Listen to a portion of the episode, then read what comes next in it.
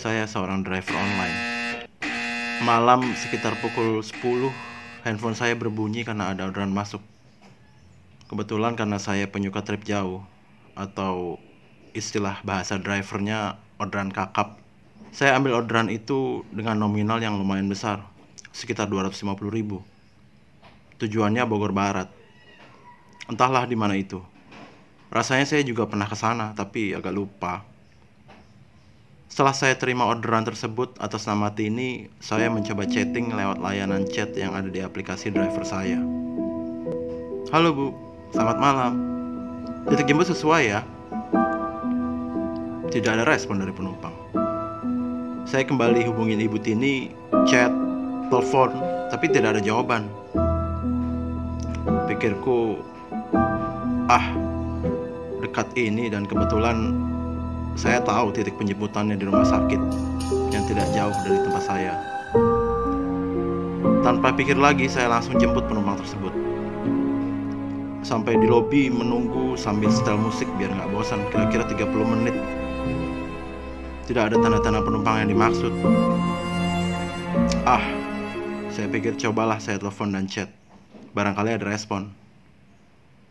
Tapi tetap tidak direspon. Bau wangi bunga melati sempat tercium di hidung. Tapi tidak saya hiraukan. Saya asik menunggu balasan chat dari penumpang. Tiba-tiba pundak kiri saya ditepuk. Ayo mas. Dengan nada datar. Aduh, ibu kok sudah di dalam? Dalam hati saya bertanya dan agak sedikit kaget. Deg-degan. Karena tadi saya nggak dengar suara pintu mobil terbuka. Tapi ya sudahlah. Saya tepis pikiran itu sambil bertanya ke penumpang. Tujuannya ke Bogor Barat ya, Bu? Iya. Lagi-lagi ibu itu menjawab dengan nada datar. Perjalanan cukup lancar dan rintik hujan mulai turun membasahi jalan tol. Nggak deras, tapi cukup membuat udara di mobil semakin dingin. Tiba-tiba wangi melati itu kembali tercium. Kali ini sangat tajam. Bulu kuduk mulai merinding. Kulihat kaca spion di tengah mobil berniat melihat penumpang di belakang. Astaga! Kaget campur panik. Kulihat kepala itu di pangku sambil seolah-olah menyisir rambut panjangnya dengan tangan sedikit rusak seperti terbakar serta kuku yang tajam. Sontak mobil kurem mendadak. Untuk jalanan agak sepi. Karena penasaran, aku balikkan badanku ke belakang. Tapi semua tampak normal. Ibu itu hanya tertunduk dengan rambut panjangnya yang menutupi wajah, sedang asik menatap layar handphone. Jadi, apa yang barusan aku lihat di spion tengah? Hah? Alah, mungkin hanya ilusi saja pikiranku. Terlalu capek. Sambil kembali kulanjutkan mobilku, jalan mulai agak sempit dan penerangan yang agak redup di beberapa titik. Benar ini jalannya, tanyaku. Iya, jawab ibu itu masih dengan hujan gerimis yang mengguyur jalan. Aku kembali dikagetkan dengan sosok putih berambut panjang yang tersorot lampu mobil.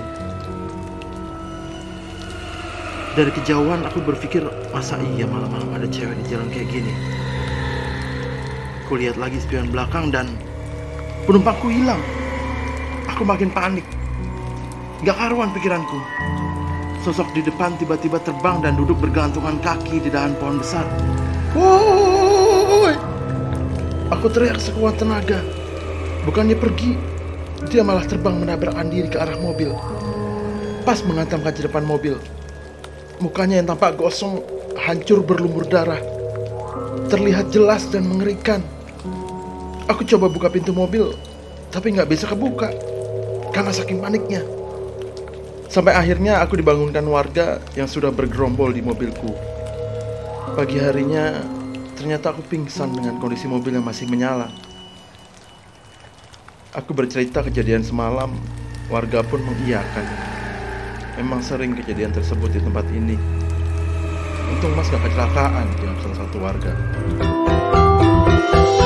Halo, buat teman-teman yang ingin mengirimkan cerita misterinya, bisa kirimkan cerita atau rekaman suara ke email penaarwah@gmail.com atau bisa DM akun Instagram kita di @penasrangarwah.